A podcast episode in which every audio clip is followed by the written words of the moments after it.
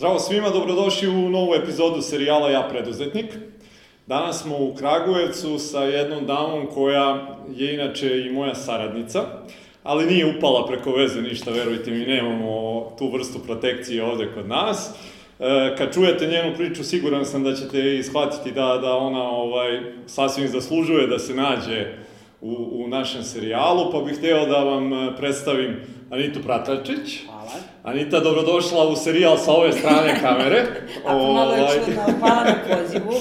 I E, ovaj, Za početak da, da evo, e, kažemo nešto malo šta je to što ti radiš, isto i za tebe nije ovaj, lako reći, obzirom da nisi samo u jednoj industriji, da, da dosta nisam. toga postoji kod tebe, pa da se ja ne bi mučio sa svim tim, ajde ti za početak ovako da kažem šta je to čime se ti baviš. e pa ovako, ja se bavim biznis konsultingom u oblasti IT-a i marketinga i to je jedan segment posla, a drugi segment posla je proizvodnja i to u metalskoj industriji. Ok.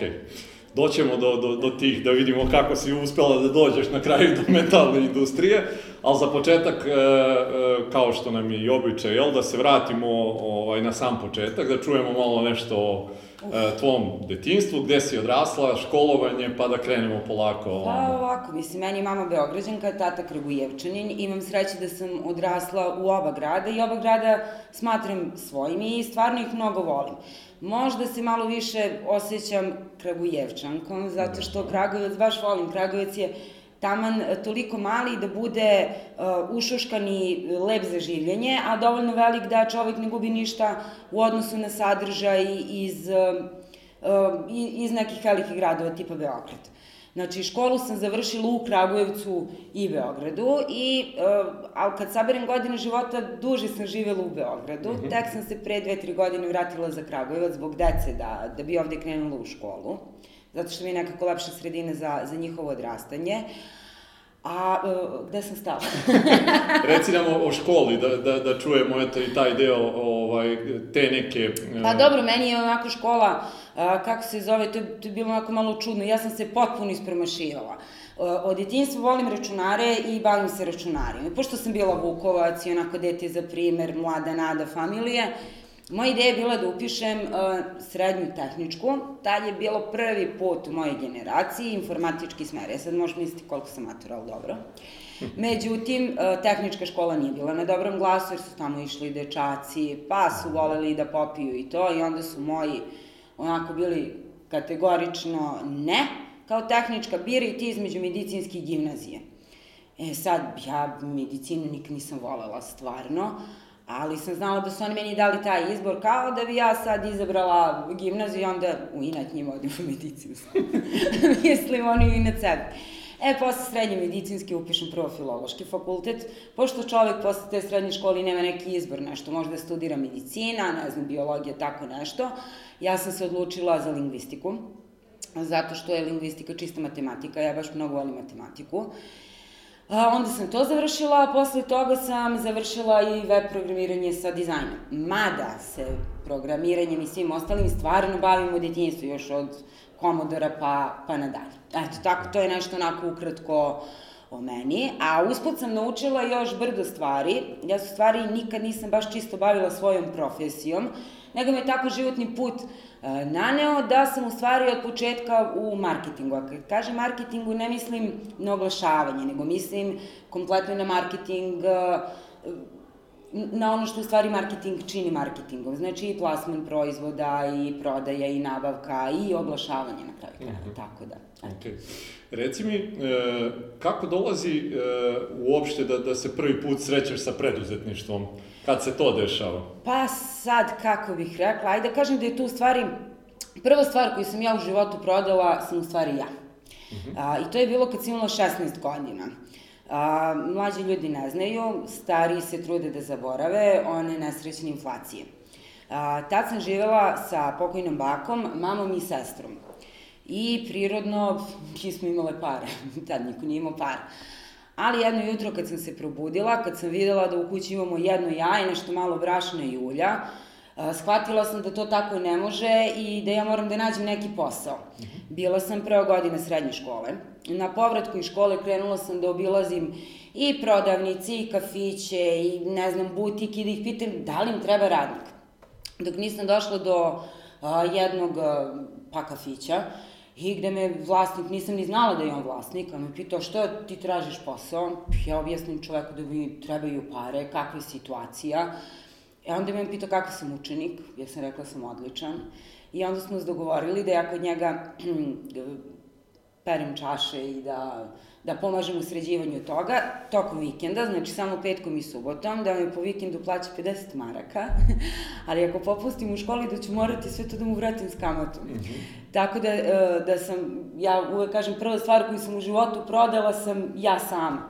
Ovaj, tako da sam tako počela da radim i tu sam ušla, u principu tu sam počela da učim o poslu, jer sam Uh, tu sam ostala do kraja srednje škole, uh. -huh. da radim vikendima, gledala sam kako se vrši nabavka, kako se dovlače ljudi u kafić, kako neka umetnost prodaje onako na nekom bazičnom, uh mhm. -huh. bazičnom nivou. E, posle toga sam uh, upisala faks u Beogradu, vratila se za Beograd i onda su tu krenuli neki poslovi, onako što se kaže studentski. A onda mi je palo na pamet da, pošto sam i prodavala na buvljaku kod jednog uh, finog čoveka koji imao tako više nekih tezgi sa robom, videla kako on to nabavlja, pa mi palo na pamet da bi mogla i ja to da probam. E sad, gde je bio problem što niko nije hteo da investira u moju ideju, -hmm. Osim moje tetke koju stvarno mnogo volim i koja je meni onako negde zvezda vodilja u životu, jer je ona žena koja uvek u životu radila šta je htela i ona meni uvek da vetar u leđa. Odem ja njoj ispričam da mi je palo na pamet da se bavim preprodajom kuhinskih krpa. Nije me pitala ni da li sam normalna, ni otkud ti ideje, imaš 18 godina, ni, niti bilo šta drugo, što su me svi ostali pitali, nego je pitala koliko ti treba. Ja stala gledam ko nemam pojma, kao, evo ti 50 maraka, pa vratit ćeš mi, ali ako ne vratiš, nema veze. Inače, tad sam i naučila prvu lekciju, recimo, o pozemljivanju novca. Ona me tad naučila da čovek treba drugim uvek da pozajmi onoliko koliko mu nije žao da izgubi. Dobro. I tako odem ja u Pančevo i kupim prvi kontingent kuhinskih krpa. I kao kako sad to da prodam, videli ja nešto prodaju ovde u Kragovicu po pijaci, tako dođu. Došla i ja, tu sam upoznala e, divne ljude koji danas neki imaju butike, neki bave nekim drugim stvarima, neki su profesori ali su u to vreme bili na pijaci i koji su mi baš onako pomogli.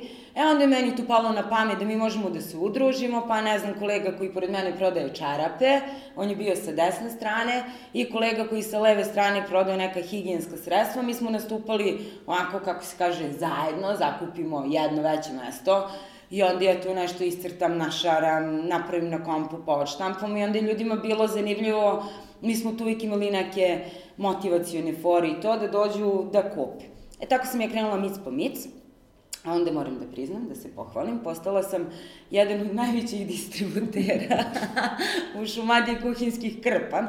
Tako da su ljudi kod mene dolazili i kad su se pravili isprećaji u vojsku, mm -hmm. to je mhm. nekad bilo moderno, a kako vidim već opet. Ove, I svadbe, i tako i za neke tužnije momente parastose.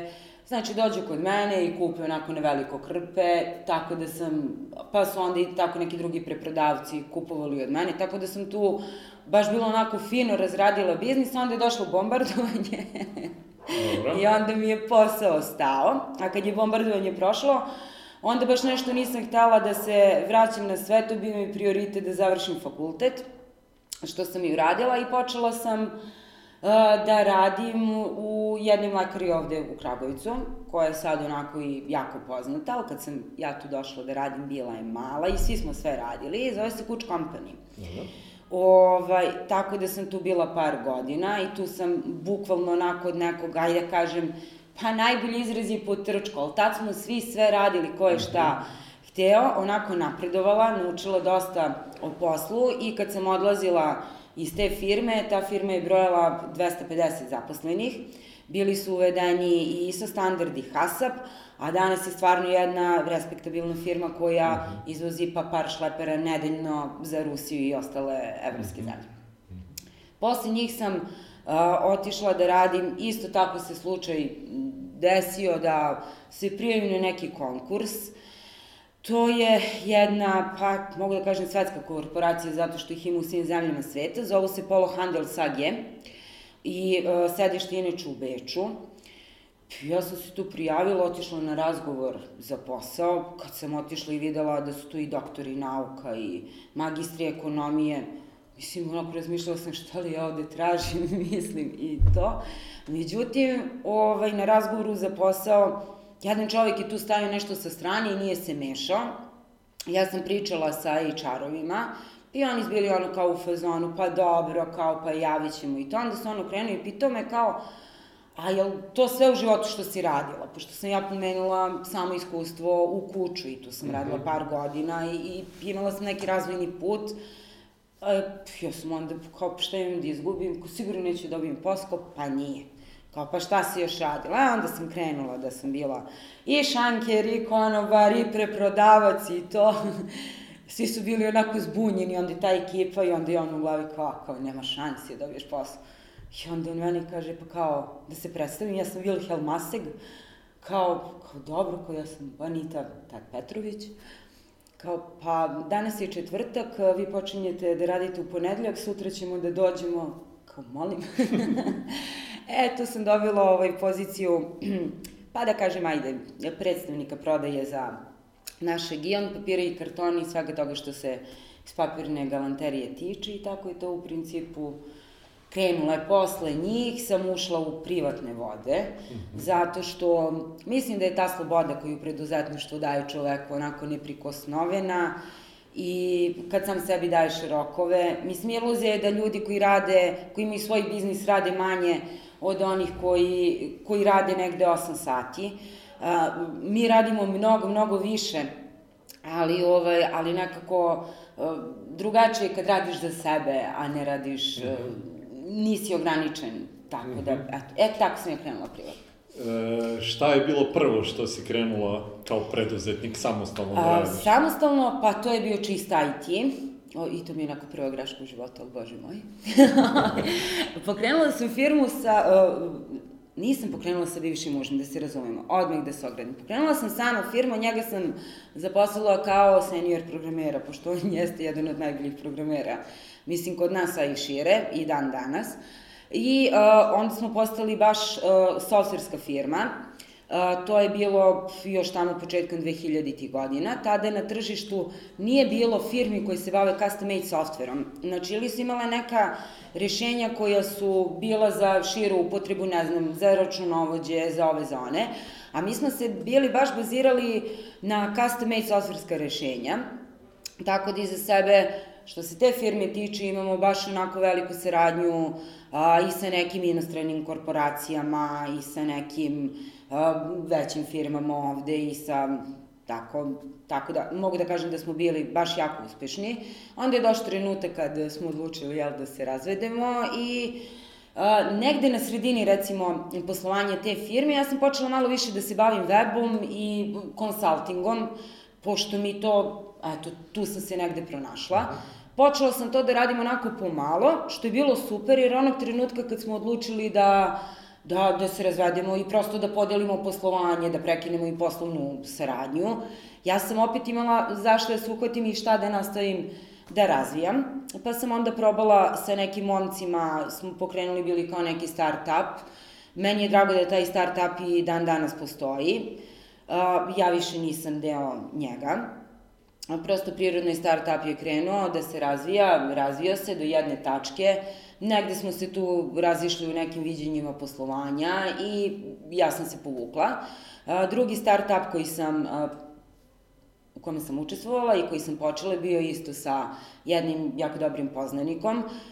Drago mi je opet i da to danas super funkcioniše, samo što ja nisam ovaj, dalje deo toga. E, posle toga pa rešila sam da je ipak najbolje da čovjek radi sam. Ovaj, e, onda sam baš uplivala onako u, samostalno u, u, u sve te vode. I e, evo već, pa ima, boga mi tako, skoro 5-6 godina, radim, uh, radim samostalno sa svojim timom, naravno imam i tim, ovaj, uh, bavim se konsultingom, a od prošle godine sam ušla i u proizvodnju sa partnerima, kojima stvarno mogu potpuno da verujem, zato što su mi rođena sestra i najbolji drugar. Eto, to je okay. ono, i imamo super ugovore, tako da... Dobro, doćemo do toga, ali bih hteo da se zadrži malo na jednom delu, obzirom da kažem, znamo se već neko da. vreme i e, znam e, dobar deo tvoje životne priče. Spomenula si taj razvod e, Jeste. koji si imala, u tom trenutku imate tu zajedničku firmu. Ono što nisi spomenula je da si ti u tom trenutku takođe u drugom stanju. I, pa da, to jeste i to ovaj. blizanačka trudnoća, da. Ovaj, ali kad se tako nešto desi, mislim, to je stvarno, aj sad budem iskreno, ako to je nešto najstrašnije, kad uh, nije meni tu bilo nešto mi se raspa emotivni život, nego poslovni, zato što ja stvarno e, sam i, i tu firmu i svaki svoj projekat doživljavam, e, sad je to floskula, ali nije floskula, kao deo sebe. Mm -hmm. Mislim, to mi je onako kao prvo dete. Ja, eto, to je bilo onako strašan jedan udar, ali onda imaš dve mogućnosti. Ili ono da, da padneš skroz, ili da nastaviš dalje da guraš, da, da imaš neki cilj. Mm -hmm. Kao, pa dobro, ovo je puklo, ajde šta ja sad mogu da uradim? Šta je od toga konstruktivno? Mislim, ja sam baš onako jedan logičar. Dobro. I onako, nekad, sam, nekad se ljudima čini da sam ja bezosećina i da uopšte nisam emotivna i da sve to zato što je meni logi, logika na prvom mestu. Znači, ovo je logično, ovo nije. E, ja mogu recimo da nešto volim koliko god hoću, ako to nije logično, nije dobro za poslu, to kao ćao zdravo, nema... E, onda sam ja, kažem, trebalo je, onako, bio je udar, ali sam onda još više radila. I, e, recimo, moji poslovni partneri uopšte ne znaju da sam se porodila, jer sam ih radila iz porodilišta. ovaj, ponela sam lepo internet, onako na USB net, uh, laptop, šta sad kao, ok, porodila sam se, ok, boli to, šta ćeš, mislim, idemo dalje, imam ja posao da odradim, mislim, treba nečeg čovjek da živi. Tako da, eto, od kada su se rodila moja deca, ja ih uh, vodim sa sobom tamo gde mogu, uvek sam se trudila da budu što više uz mene i da ja ne odsustvujem dosta iz kuće, ali prosto mi je, prosto mi je postao takav da nisam non stop u kući, ali ovaj, to je njima negde normalno meni tu negde nešto fali, ali opet i tu čovek napravi neki izbor. Znači, kad deca postanu punoletna, mogu da dobiju nešto, mogu da dobiju recimo svoj fond za školovanje ili za pokretanje sobstvenog posla, to je jedna varijanta, a druga varijanta da kažu, aj pa mama, evo mi nemamo ništa, ti si ceo život bila sa nama, kao to je super, kao šta ćemo mi dalje, eto, nemamo para za faks, nemamo za ovo, nemamo za ovo. Tako da sam se ja odlučila, odlučila za suroviju varijantu, ali koja će svima da donese neki benefit uh mhm. -huh. sutra u životu. A sem toga mislim da mi deca ne gube nešto na kvalitetu života, što ja nisam sa njima 24-7. Danas je 21. vek, oni imaju i po telefon, i tablet, i komp, mi smo non stop na uh, liniji, što se kaže, tu su video kolovi kad nisam kod kuće, kad sam, kad sam tu vreme provodimo što kvalitetnije. Ja mislim da je stvar u kvalitetu, a ne u kvantitetu vremena. Mm -hmm. Tako da, a e, još jedna velika prednost je to što su oni stvarno samostalni. Oni uskoro pune 9 godina i to su vrlo samostalne deca koje znaju svoje obaveze i koji ih ispunjavaju i koji već sad imaju neki cilj u životu. A to da imaju cilj u životu su naučili najviše od mene i moje sestre. Zato što su najviše sa nama jeli, odrasli i videle e, šta radimo i kako radimo, tako da im je vrlo jasno da ako nisu dobri đaci, ako ne rade i ako nemaju neki fokus u životu šta žele da budu kad odrastu, da neće imati novca za putovanja, da neće život da im bude super, da leče recimo stres shoppingom i to, to naročito moja čerka, i da, da je za, sad pravo vreme da rade, da bi sutra super živeli, jer im je to neki cilj. Mm -hmm. Tako da... Reci mi u tom trenutku kad se sve to dešava, znači, e, ja koji mislim i ovako kad e, saslušamo celu priču, neka teška situacija. Da. E, jesi ti imala neke sumnje ili strahove u tom trenutku ti sama da li ćeš uspeti da se izvučeš iz svega toga? Nisam razmišljala o tome. Uh mhm. -huh. Znači, čovek kad se upušta u nešto, mora odmah kad presečeš, da počneš nečim da se baviš. Apsolutno prestaneš da razmišljaš o tome, da li je nešto dobro ili loše ili nije, da li je ovaj potez dobar ili nije, gotovo, to si napravio i ideš dalje. Znači, ja sam imala fokus. Naravno da si uplašen, naravno da, da se dešava milijardu stvari koje, kojih se bojiš, ali prosto blokiraš sebe, ne razmišljaš o tome i ideš. Znači ja imam cilj, imam cilj da imam firmu, imam cilj da živim od onoga što radim, nemam cilj da postanem milioner i da budem prebogata, nego da živim normalno, uh, nekadašnje recimo iz 80. godina srednja klasa. Da mi bude lepo od prvog do prvog, da ne moram da razmišljam da li ću da kupim danas ovo ili neću, da mogu da odem na letovanje, zimovanje, neki put onako u inostranstvo, da vidim nešto novo. Znači, eto, to su mi bile ambicije. Ja sam te ambicije odavno ostvarila, ali tad kad sam kretala, to mi je bio cilj i toga sam se strašno mm -hmm. držala i da deci pružim najbolje moguće obrazovanje. Mm -hmm. Eto, to mi je bio fokus, tako da... Kad spomeneš sad da si imala cilj, jesi, e, pošto me zanima i mm -hmm. način na koji si pravila sebi ciljeve, je to bilo u nekoj pisanoj formi, je to bilo nešto kristalno jasno u, svo, u tvojoj glavi samo, na koji si način uopšte definisala sebi Moj jedini cilj to? u životu je i dan danas je uspeh. A, ne uspeh, sad svako drugačije doživljava uspeh. E, za mene je uspeh da mi deca sutra budu svoji ljudi, da ja živim pristojno od onoga što radim i iskreno da kažem cilj mi je da oni sa 18-19 godina odu da žive svoje živote. Znači, stvarno mi nije cilj da žive sa mnom. Ove, a da ja nastavim da radim ovo što volim, zato što ja mhm. stvarno volim uh, svoj posao. Uh, meni je uvek bio cilj da, da se bavim evo ovim stvarima koje trenutno radim. I nekad nije bilo uvek kristalno jasno, ali kad nešto čovek hoće, to onda se nekako i put sam namešta, a i mislim, ne može ništa onako, ja sam rešio pa sad idem, nego prosto papir, olovka, ovo je za, ovo je za, ovo je protiv i napravi se onako, kako bih rekla, neki algoritam. Sad je dobro ovo da se uradi, sad nije. Onog trenutka kad uh, je više, recimo, plusića za, onda se to radi i ja sam to uradila i više tome ne razmišljam. Mm -hmm. Tako da, eto, mislim, ne može ništa bez papira i olovke, to hoću okay, kažem. Da. Dobro.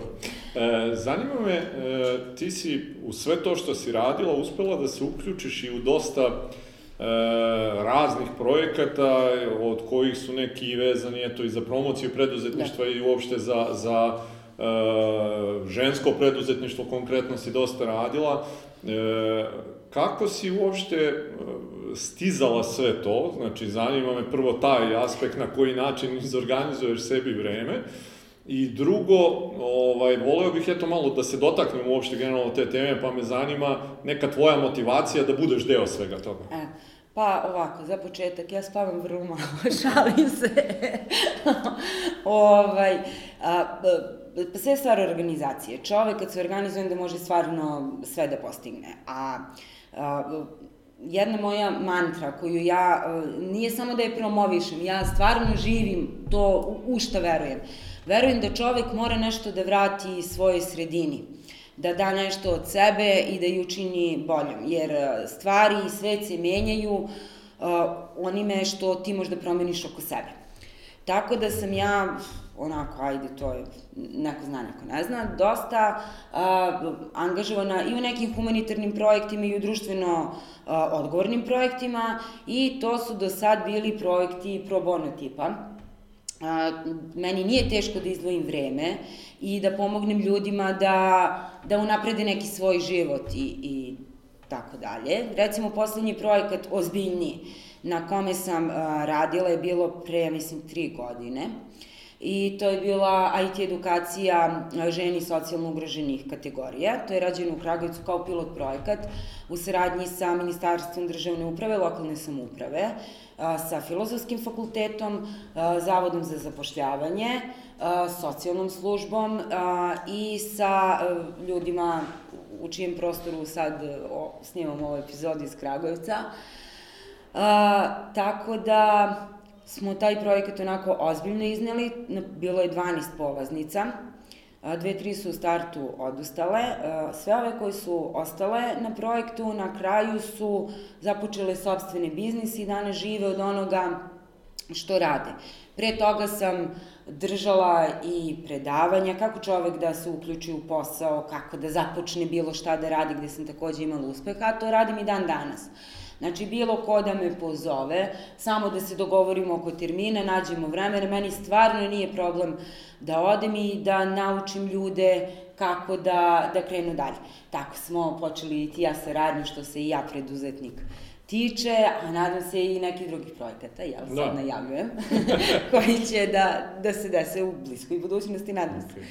E, prošli smo taj neki put, ovaj, e, početni, mada to nije ovaj, tako kratko. Pa nije. Ovaj, ali bih voleo sad da se dohvat, dohvatimo te teme, šta je to što ti trenutno sad radiš. Spomenulo si, znači, da e, si pored ovog posla kojim se dalje baviš, uključena u još jedan ovaj projekat. Pa e, prvo me zanima kako je uopšte došlo do toga da vi uđete u metalnu industriju. Pa, kako da kažem, ja sam okružena mašincima, to su onako i blagoslov i najveća kletva koju čovjek može da, da doživi. I uh, moje sestre, za početak, eto malo sad i nju ono kao da ispromovišem, svetski priznat stručnjak uh, u a, oblasti bioinženjeringa. ona je na tome i doktorirala i ona je docent na Mašinskom fakultetu u Kragujevcu, koji je sad promenio ime, izvinjavam je se dalje nešto politehnički, ili tako, ali Mislim, to je mašinski fakultet. A najbolji drugar mi je takođe ovaj, mašinski inženjer, koji ima bogato radno iskustvo i radio je i u inostranstvu dosta, ovaj, na nekim rukovodećim pozicijama i ovde. Tako da, i radi još uvek. I onda ja njih dvoje gledam, mislim, dve super osobe, ali nemaju ideju da bi mogli da budu preduzetnici, a ja stvarno mislim da čovek je najsrećeniji kad radi nešto za sebe. I onda je to bio proces od jedne, dve godine, dok se ja njima objašnjavala da nas troje moramo nešto zajedno da radimo, zato što je, nije glupo da traće svoj talenat, nego da bi trebalo svoj talenat da utroše i e, na posao koji će da bude lično njihov, da razvijaju sobstveni posao, a ne samo tuđe poslove. Ove, oni su bili onako skeptični, pa su odbijali šta znam i sve tako na red. Na kraju sam ih ubedila. Onda smo nabavili mašine, pa smo nabavili prostor i sve je bilo super, nabavili smo i ljude koji će da sarađuju s nama i onda je bila kako ćemo napravimo prvi posao. Kao, ne vremite, imam ideju. Nisam imala ideju. Ali su oni verovali da ja imam ideju. Ja sam onako tražila po netu i tako dalje i tako bliže, kao jel treba nekome nešto i to. I onda vidim neki oglas BMW-a. Oni prave neku radnju u Švajcarskoj i to ja se javim na konkurs, pošaljem cene i sve ostalo. Naravno ne napišem da smo iz Srbije, ali pošto nismo imali ni jedan posao iza sebe, ja uhvatim pa pošaljem naše CV-e, ko smo, šta smo, prosto da ljudi znaju s kim bi sarađivali. Mm -hmm. I oni to prihvate. Tako da je naš prvi posao, u stvari, onako jedna lepa ograda za radnju BMW-a u, u Cirihu. Nije loše za prvog klijenta, da. Da, ovaj, ali uh, ali kako kažu onu reklamu, ali to nije sve. Dok se postavljala ta ograda, tu negde blizu se zidala neka zgrada i slučajno se zadesilo da tu bude a, investitor tog nekog kompleksa koji se zida, kome se ograda svideli, kao šta je to, ko je radi ovo ono, i onda njemu tu ljudi koji su postavljali ogradu kažu ko je radio to, on se javi nama, tako da smo prošle godine radili i gelendere, i ograde za te zgrade, mi smo onako spoljašnje, i terase i sve. Ovaj, e, I time smo završili sezonu proizvodnje, a boga mi sad je krenulo opet sa, istim, um, sa, istom firmom. On zida i u Švajcarskoj, i u Nemačkoj, i u Švedskoj, tako da ove godine, kako stvari stoje, boga mi proširit ćemo proizvodnju, eto. To je tako krenulo. Da, drago mi je baš ono to da e, ljudi obično kada kreću neki posao, naravno najveći problem je naći klijente i sve, ti si e, videla oglas BMW-a, većina ljudi bi rekla, ma gde ćemo mi A ne, da čovek mora posao. da bude spreman da, kad reši nešto, nema, rešio je ovaj, da, da, ne sme da bude tog straha. Mm -hmm. Ja mislim da ljudi ne uspevaju zato što se plaše. Mislim, ja kad onako saberem neke svoje usponi padovi u životu, boga mi, pala sam toliko da je to stvarno mnogo, mnogo bolelo. I ovako kad pričam, to deluje da je sve jednostavno mm -hmm. i lako. Ništa meni u životu nije bilo ni jednostavno, ni lako, nije ni danas. Ali ta neka pozitiva, to mora. Mislim, eto to konkretno za BMW Pa, ja sam imala 50% šansi na uspeh i neuspeh. Da se ne javim, sigurno ne bih uspela. Jasno. Time što sam se javila, ja sam dala sebi neku šansu. E sad, ja računam da su drugi poslali neke klasične prijave. Moja prijava, zašto su oni nas zapazili? Mislim, meni je jasno i zbog čega je to. Ja sam je prvo izdizajnirala, da to bude upadljivo, da bude onako inovativno, I onda kad su dobili, kad su otvorili taj PDF, nisu dobili beo papir, nego su bukvalno dobili prvo crni papir sa belim slovima i malo nekih crvenih motiva. Uh -huh. A onda dalje. Um, ok, nismo radili ni jedan projekat, ali moja sestra i moj drugar imaju dosta projekata iza sebe, pa smo onda tu ubacili neke te nacrte. Znači, nismo baš da kao, eto, nikad už, nismo ništa radili mašine. Tako da su ljudi na osnovu svega toga, ali posle i naše lične CV-e, ko smo, šta smo i kako smo, mislim, i došli mi ideju da im se javimo. Tako da ja mislim da su oni nas stvari baš zbog toga uh, izabrali i sad onako im ponuje kad kažeš da ti je BMW prvi klijent. Naravno. ali ovaj, opet s druge strane ne bi ni bio klijent da nismo mogli da ispunimo te neke evropske standarde koje možemo naravno ne sami, ali ovde sarađujemo sa još dosta ljudi. A, napraviti ogradu nije samo izdizajnirati, nego i izrezati i cinkovati i sve, nažalost, sve sam to morala da naučim. Vidim da si ušla u metalske Ušla sam u materiju. A, ovaj, tako da, eto, kažem, ove godine vidjet ćemo šta će da bude, ali ja se e, ne odričem svog posla. Mhm. -huh. Meni je super što sam motivisala njih dvoje da, da, da rade za sebe i razvijaju tu neku priču, koliko vidim i njima se to baš onako jako dopada.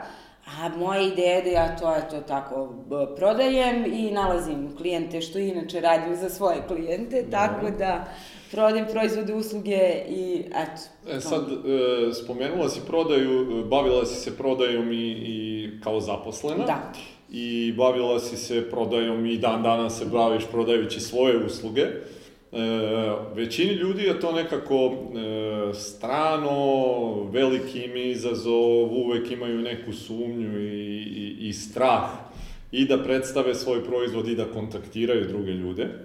Imaš ti možda neke savete koje bi im dala na koji način bi mogli da prevaziđu recimo taj neki strah najpre, a onda recimo možda i neki savet na koji način bi uopšte bilo najbolje da predstave ili sebe ili svoj proizvod ili uslugu, šta god to već bilo.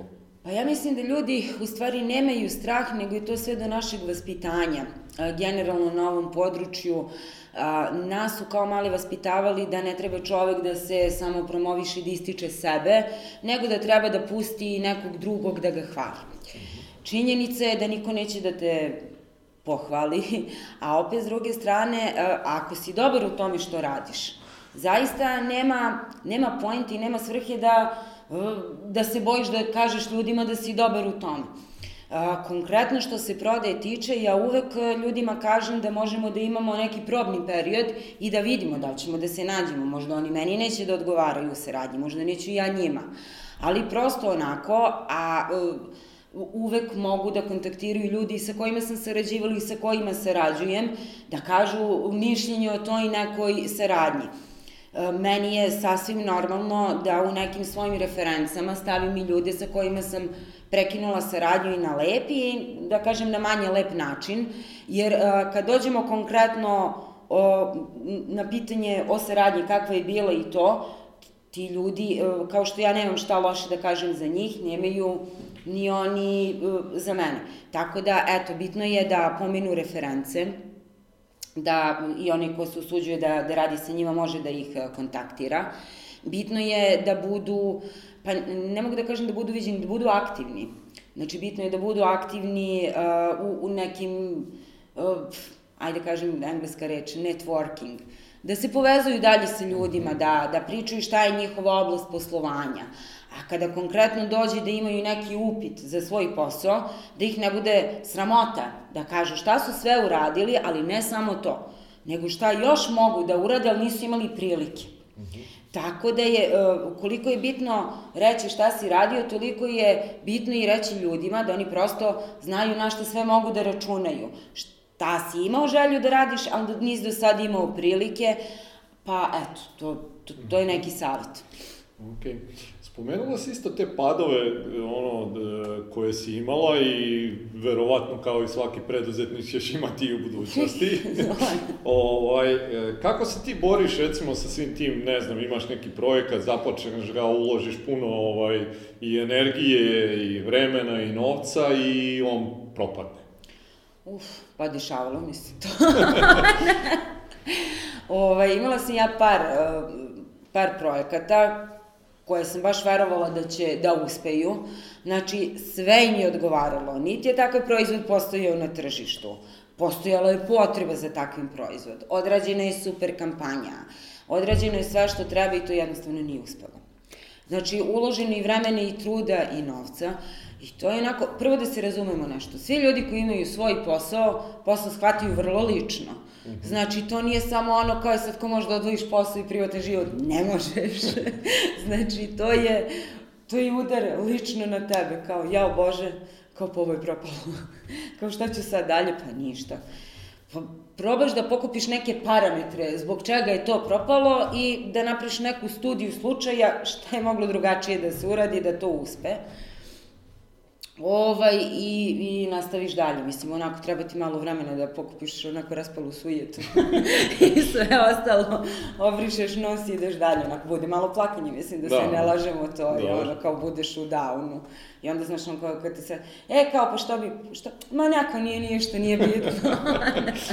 A u sebi kukulali do boga mene, znaš. Šta su tebi najveće greške koje si pravila, recimo, u tim projektima koji ti nisu uspeli? A, pa, Konkretno šta su najveće greške? To što nisam shvatila kako o, funkcioniše a, prodaja tog tipa u Srbiji. Ja sam recimo, evo mislim sad konkretno mogu da kažem, tad nije postojao, imala ideju za jednim portalom koji, ali uh, sad bi taj portal bio onako jako specifičan, bavio bi se sama automehaničarima i uh, u principu svime onime što je potrebno za održavanje auta. To je bilo pre nego što je Blitz pokrenuo ovo sa prodajom automobila i to. Znači, mi pričamo o nekoj 2004. i 5. godini, tad stvarno toga nije bilo. I ja sam mislila da ljudi znaju, mislim kao super, sad će budu na netu, pa ovo ono doći će ljudi lakše do njih, pa bi mogli online da prodaju neke stvari. Ono što nisam shvatila je a što mi je posle mnogo pomoglo u životu, da e, ovde sa ljudima ne možeš apsolutno ništa se dogovoriš putem maila i telefonom, nego i kad se u nekoj kancelariji dogovorite nešto, ako ne odete posle toga u kafanu, apsolutno se ništa niste dogovorili, naročito ne sa ljudima iz te branše. Znači, tu je kafana apsolutno neprikosnovena. Tako da, a, mislim, ja baš nešto i to ne volim. Ja volim onako straight, mislim, ti to znaš, ono, ti ja se rađaju. Ja volim straight, sednemo, dogovorimo se, idemo dalje. Možemo popijemo kafu, nije sporno. Ali kao nema sad po... Ali s ljudima ima potrebe. Mm -hmm. Znači, onako, ima potrebe da se, da se sedne, da se tu onako, što se kaže, pojede, popije. E sad, jedino što je nezgodno i mojim klijentima i ljudima s kojima tek ulazim u saradnju i sve to, ne znaju kako se ponašaju i uopšte ne pijem. Uh, nije da mi alkohol, nije da sam lečeni alkoholičar, pa ne smem, nego prosto ne volim alkohol, to mi ne prija. Meni lepši ukus ima sok od kruške, nego ne znam kako vino, mislim. Daleko od toga popijem po neka čašu, ali eto, to ne volim. Tako da baš ne mogu u, kaf, u kafani da se opuste skroz sa mnom, zato što ja ne pijem. Mm -hmm. Tako da, ne, nema izgovora kao alkohol, pa smo sad malo recimo iz tih partnerstava koja si, e, onako, ti se provlače kroz da. E, celokupnu preduzetničku karijeru, neka su uspešne, neka ne. Šta smatraš e, bitnim u svakom partnerstvu, koje su to neke stvari koje, e, na koje treba obratiti pažnju da bi partnerstvo moglo da funkcioniše kako treba? I to je jedno vrlo ozbiljno pitanje. I to je nešto gde sam, u čemu sam grešila, ali e, prirodno mislim čovjek dok ne pogreši ne može ni da nauči. E, bitno je e, kad ljudi ulaze u partnerstvo da jasno postave cilj. Ne samo da ga postave, nego da ga stave na papir i da to potpišu. A, zatim potrebno je da naprave jedan dobar ugovor koji će da štiti sve strane koji su članovi tog partnerstva Jer u jednom trenutku može da se desi da ljudi imaju različitu viziju, da a, reše da razvijaju u nekim drugačijim smerovima jednu osnovnu ideju. a recimo niste stigli do nje. Meni se to konkretno dešavalo. Ovaj, I sad da smo mi recimo imali dobre ugovore, bilo bi, pa to nije po ugovoru, baš me briga raditi to sam, ali ne možeš sa ovim resursima i svime mhm. što smo uložili. A, tako da m, ovde se uh, ugovori i dogovori tog tipa uh, čestih ljudi protumače kao nepoverenje. I kao, pa što mi da ulazimo u posao ako nam treba papir i to? Da, da. A, izvini, molim te, ako verujemo jedno drugom, uh, kakve veze ima papir? Mislim, šta tu papir smeta? Tako da i kad sam kretala sad u proizvodnju, znači opet podlačim, to su mi najbolji drugar, to mi je prijatelj za ceo život, koji mi puno pomaže i na privatnom i na poslovnom planu, to mi je rođena sestra od koje bližu osobu u životu ne mogu da imam. Mi smo lepo seli i napravili ugovor i dogovor šta ćemo i kako ćemo da radimo. I to je papir koji štiti sve nas.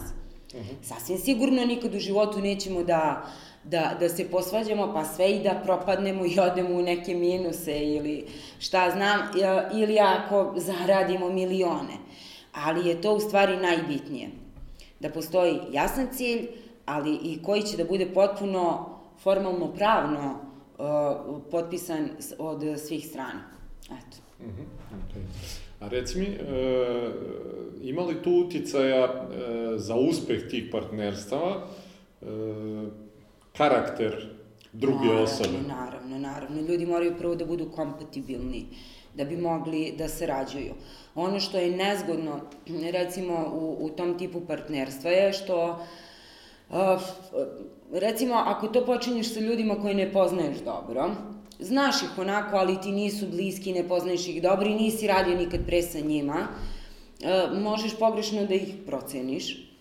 Uh, ovaj, I onda nikad ne znaš kako će čovek da se razvije kao ličnost dalje i onda u jednom trenutku možete karakterno da ne, da ne odgovarate, pa onda zbog tih nekih a, privatnih, a, recimo, razilaženja da pati i posao.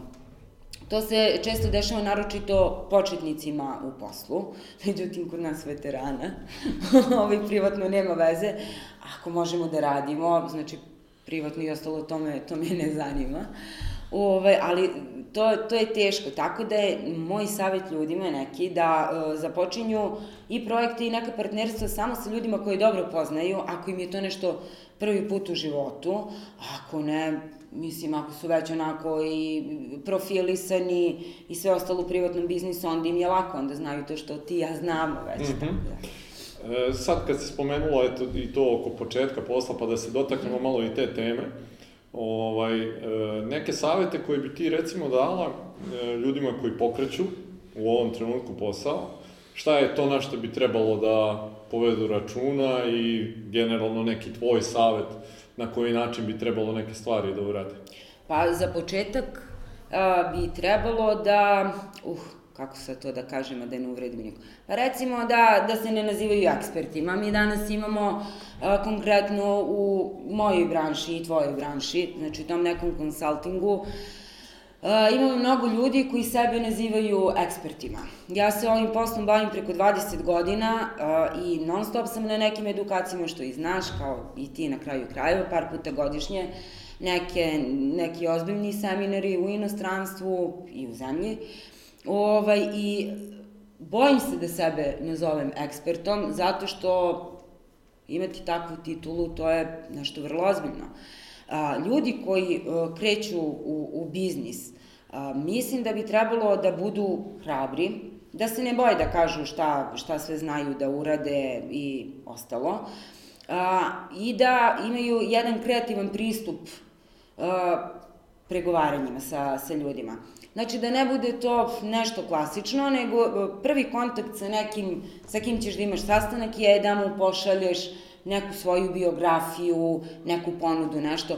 Pa bar u tom delu mogu da se potrude da to izgleda kreativno i e, da bude izvučena suština, pošto ljudi ne vole da čitaju nešto puno. Znači, kad, kad šalju ponudu za ili apliciraju, prave neki pitch za neki posao, ne treba da bude duže od dve, tri strane, ali da bude onako lepo skockano i neobično, da bi uopšte e, ih neko primetio, jer ako ne prođu na tom, recimo, kako bih rekla, sa tom ponudom, oni će da ostanu uh, upamćeni kao neko ko se razlikovao od drugih, a to je mnogo bitno. E sad, mislim, uslovno rečeno, teško je razlikovati se od drugih u jednom istom, u jednoj istoj branši, mada nije nemoguće. A sve je to neki lični stav ovaj, i uh, pristup uh, poslovanju. I uvek trebaju da budu prijatelji ljudima sa kojima će da sarađuju, u kom smislu prijatelji. Trebaju da budu prijatelji e, te firme, da budu baš onako saradnici, e, konkretno u našoj branši, mi možemo nekome da pomognemo, da proširi poslovanje, a možemo nekoga i da upropastimo. I to je ono čega čovek treba da se drži. E, to što je tamo neko drugi vlasnik neke firme koje ćemo mi da dajemo neke savete ili tako nešto, znači čovek e, to treba da doživi kao svoju firmu. Mislim, jer direktno od tvojih saveta zavisi da li će neko da, da uspe ili će da propadne. Za mene to je jako velika odgovornost i vrlo vodim računa e, šta ću da uradim i kako ću osobu da, da posavetujem. Tako da, eto, to, to bi bio neki savjet početnicima, da vrlo ozbiljno shvataju bilo kakvu saradnju. Znači, nema velike i male saradnje. E, kao sad, velika saradnja je velika firma, veliki iznos i ne. Svaka saradnja je podjednako bitna, jer direktno od saradnje sa tim nekim ljudima nekome zavisi poslovanje. Tako. E, dotako bih se malo obzirom da, da eto, se baviš i tim delom, pa e, nekako društvene mreže su postale ono, e, za svaki biznis sad neophodne. Pa pogotovo recimo tim nekim firmama koje e, su na početku, koje nemaju dovoljno sredstava da mogu da angažuju neku agenciju ili nekoga drugog da, da im sve to radi i vodi, neke savete koje bi dala njima na koji način bi trebali to sve da rade? Uh, nije problem, znači daću, ali ono što, uh, gde se ja razlikujem od svojih kolega? To što sam, pa, kako bih rekla, onako brutalno iskrena. Redko da će ko da proda bilo šta putem društvenih mreža. Mislim da se razumemo. Ljudi koji su napravili poslovanje putem društvenih mreža, znači firme koje prodaju online nešto, su izuzeci, nisu pravila. Ali zašto je bitno da budu na društvenim mrežama? Zato što moraju da postoje, nije dovoljno da imaju sajt, nego moraju da bude sve uvezano. Znači moraju da imaju sajt, moraju da budu na društvenim mrežama i moraju da budu angažovani i offline. Uh -huh. A, onog trenutka kad, kad počnu da plasiraju neki sadržaj na mrežama i da šire to neko poslovanje, recimo offline, neke flyere i to, svako ko dođe u kontakt sa njima, on će da vidi i na netu da vidi šta pričaju ljudi o njima, šta oni to nude od proizvoda i tako dalje. I ono što je bitno za ljude koji nemaju stvarno novca da angažuju nekog da ih nauči, da im napravi neku strategiju i sve ostalo, je da se stave u položaj njihovog kupca. A, znači, moraju da znaju ko je njihov kupac. Recimo, ako se ja bavim prodajom baštenskog alata, sad sređujem baštu, pa mi je to onako u glavi, i moj cilj je da prodam, recimo, makaze za orezivanje, e, one male motičice, rukavice i to, e, šta je treba da znam? Treba da znam da će to da kupe ljudi koji vole cveće. E pa kako ću ja to da prodam? Pa neću tako što ću da kažem, je, ove makaze su super i to, pa zašto su mi super, mene makaze ko makaze ne zanime. Nego ću da stavim sliku neke lepe bašte. Pa ću onda ljudima da objasnim, a, da li na sajtu ili na društvenim mrežama, šta trebaju da rade, recimo da dobiju tako lepu ružu, da oni izrastaju u lepu ružu pa ću uspod da im dam i savet koje sve preparate da koriste, na koji način da vrše okopavanje, kako da istretiraju zemljište, kako da dođu da orezuju i dalje. I ja sam tu pomenula sve proizvode koje ću da im prodam. Znači i makaze, i motiku, i rukavice.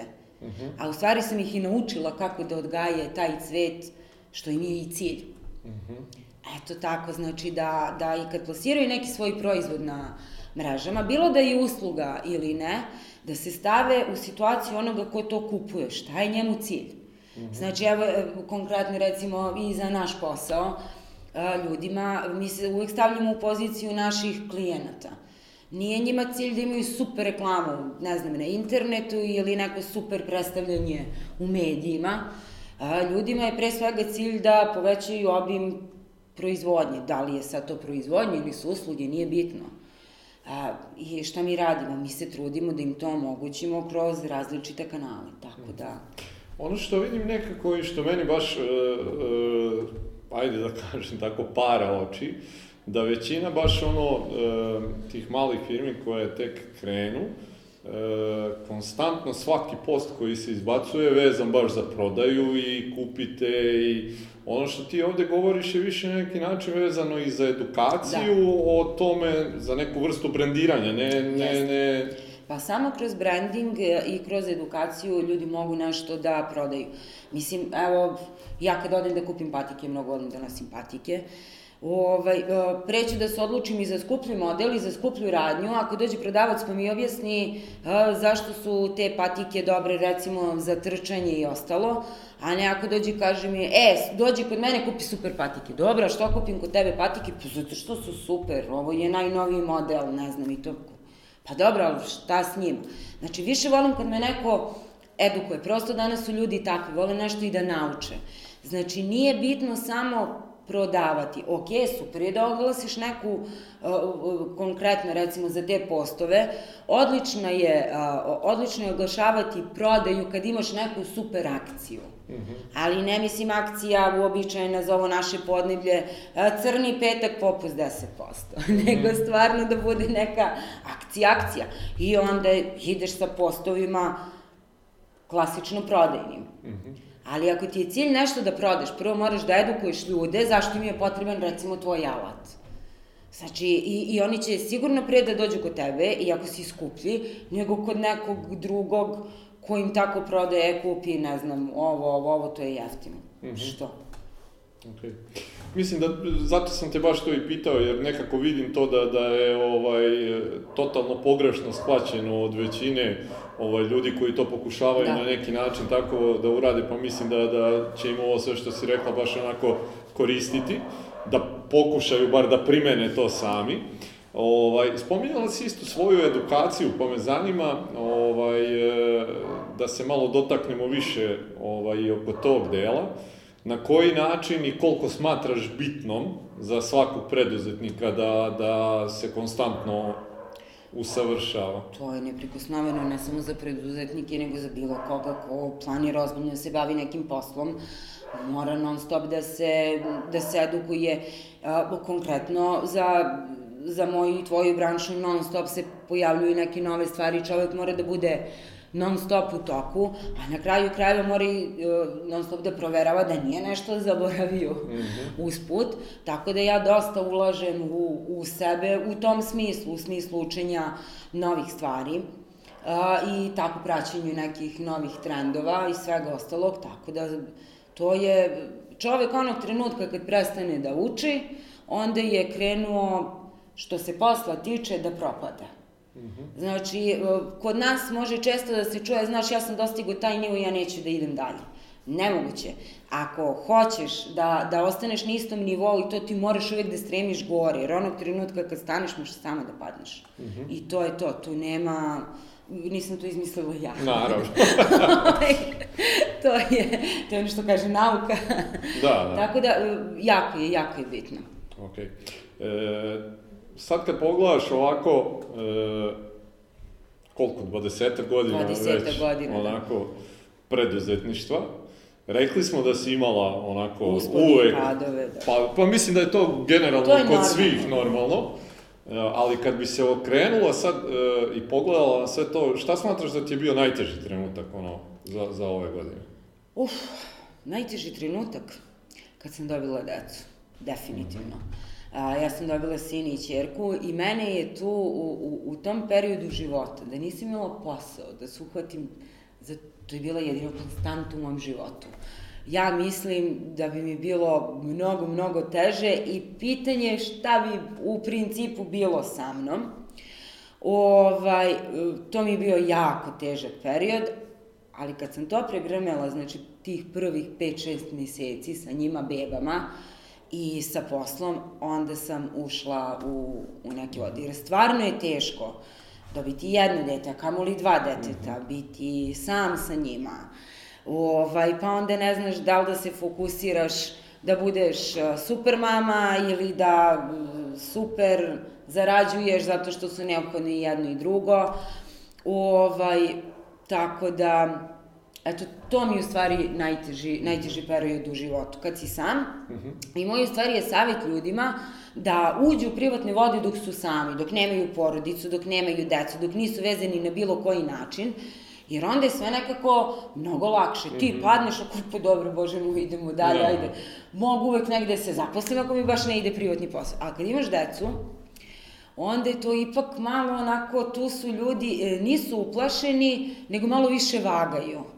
Šta će da dobiju, a šta će da izgube. Mm -hmm. Tako da, jer više nisi samo ti u pitanju. Mm -hmm.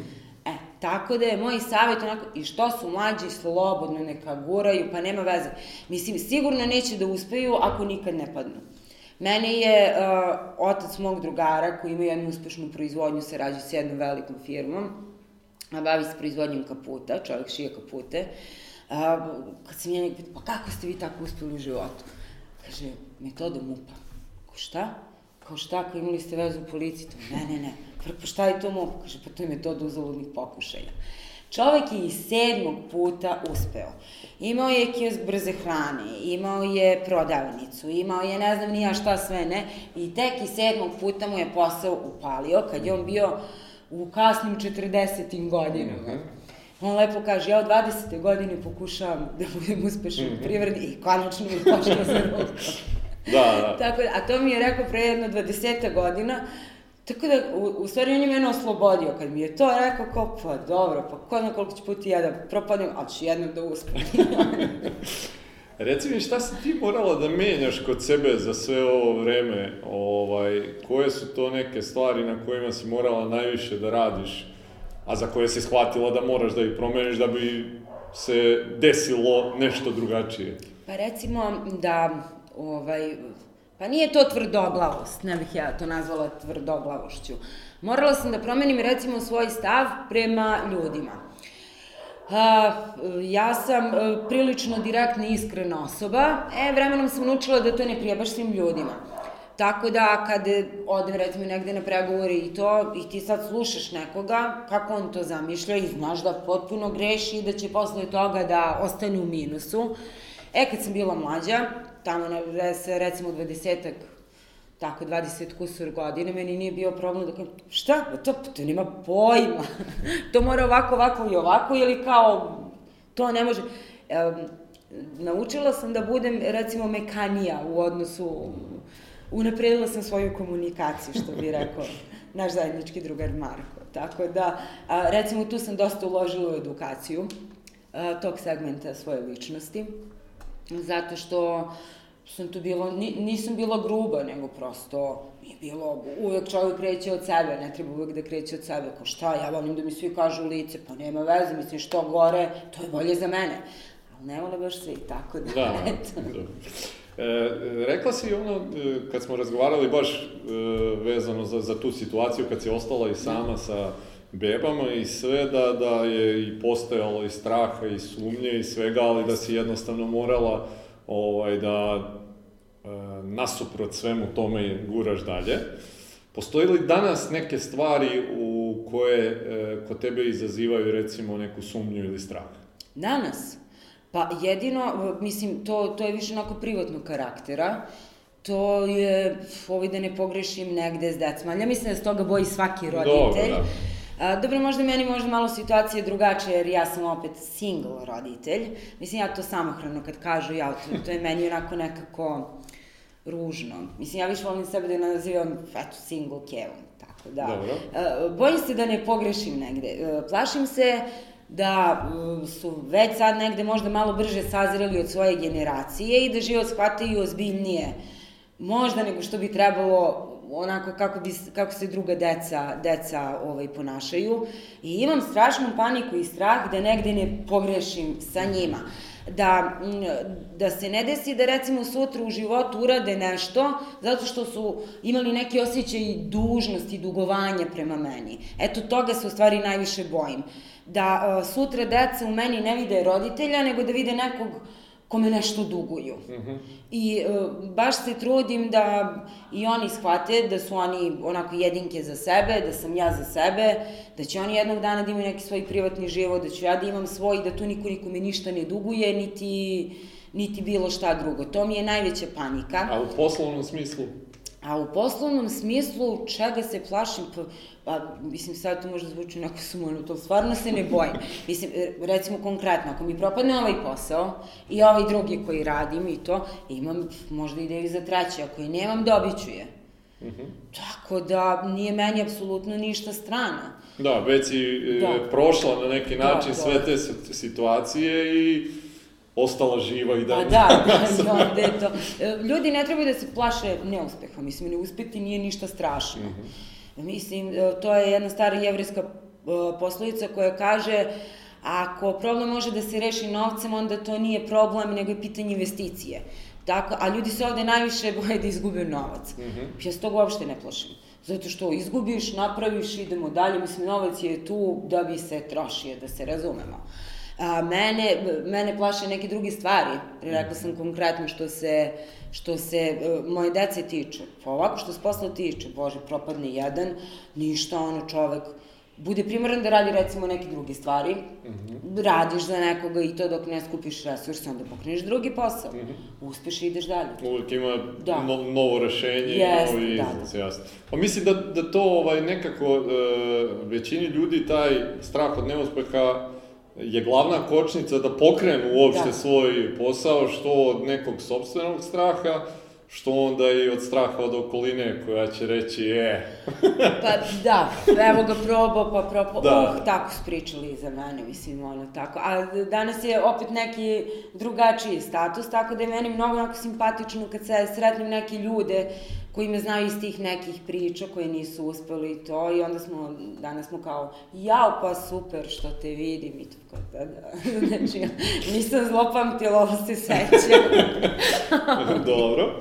Reci mi, e, za kraj ovako pitanje, e, da imaš sad prilike da se vratiš, da daš saveta niti pre eto, dve dekade, kad si krenula i ušla u preduzetničke vode, i sad sa svim ovim što znaš danas, e, šta je to što bi joj rekla, što smatraš da bi imalo najveći uticaj da ona ne napravi sve te greške koje je pravila? Prva stvar koju bih sebi rekla, nemoj po krpe u Pančevo, idi pravo u Bugarsku. Mnogi se šipnije da prođeš. ne, pa stvarno, ovaj, sad ozbiljno, ali mislim i, i tu sam ozbiljna stvarno. Dobro. O, Za ove koji slušaju sad, idite u za ove Bugarsku. koji slušaju, uvek kad vam padne na pamet nešto da, preprodaj, da preprodajete, a potrudite se da stignete do prve ruke, a ne da budete pet.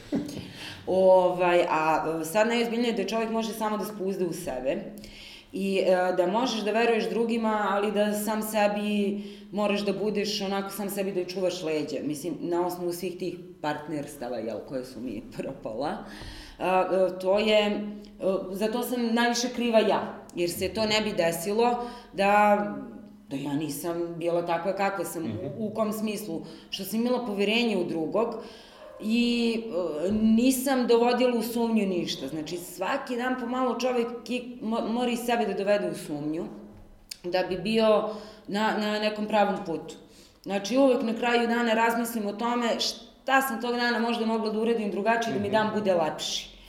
A, I to uh, nema apsolutno nikakve veze sa, sa poslom. Recimo, to je neki moj ritual da a, pre nego što odem na spavanje, a, pročitam nešto što mm, par strane neke knjige koje apsolutno nemaju veze sa poslovnom literaturom i kad to uradim, nego nečem što me opušta, da onako legnem i pre nego što zaspim razmislim kakav mi je dan bio i šta sam ja tu mogla da uradim da mi dan bude lepši nebitno da li je poslovno ili privatno. I to je neka ideja sa kojom ja zaspim. Šta ću sutra da uradim da mi život bude lepši? To je na neki način totalno obrnuta percepcija od one kakva je kod većine ljudi koji uvek traže e, krivca za sve e, i na neki način i krivca i nekoga ko bi to mogao da, da, da napravi njihov život boljim i uvek negde van, jako mali broj ljudi se okrene sa prstom ka, ka sebi. Pa, zato smo mi uspešni preduzetnici. ne, ja stvarno verujem da uh, čovek mora da bude iskren prema sebi. Za sve što nam se desi dobro i loše u životu, mi smo sami krivi. Mm -hmm. Mislim, kao neke okolnosti mogu da nas poguraju u jednom ili drugom smeru, yes. ali mi smo sami odgovorni za to.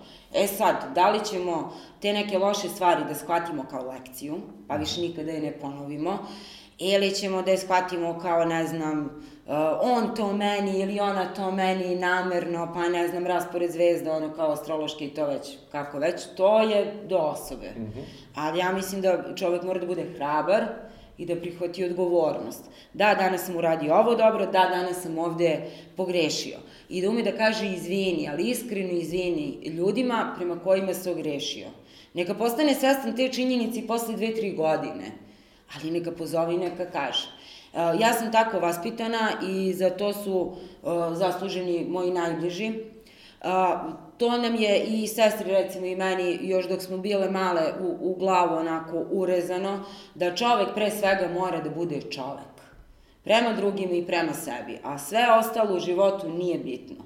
Nego je bitno da si, tako da to je, to je nešto što nije kako se ja ponašam, ja sam jednostavno takva. Mm -hmm. okay. Anita, hvala ti puno za odvojeno vreme. E pa hvala i tebi, mislim ovo je došlo kao iznenađenje, ja nisam uopšte očekivala, ali dobro. Dobro, pa malo da te stavimo, kažem, i sa ove strane ovaj, kamere. Htio sam uh, da spomenem i da se zahvalim u Ivanu ovaj, da. ovde iz uh, Na Haba. Na ustupljenom koji prostoru. Je, ovaj, Ivane, hvala ti puno za prostor. Imaćemo prilike, ovaj, pošto evo kažem, ovo nam je prvi put da smo danas u Kragujevcu i planiramo evo za sve Kragujevčane da znaju da se spreme da ćemo u nekom narednom periodu svakako imati jedan i panel ovde. E, hvala vam još jednom svima što ste e, proveli e, ovo vreme sa nama i vidimo se ponovo sledeće nedelje. Prijatno!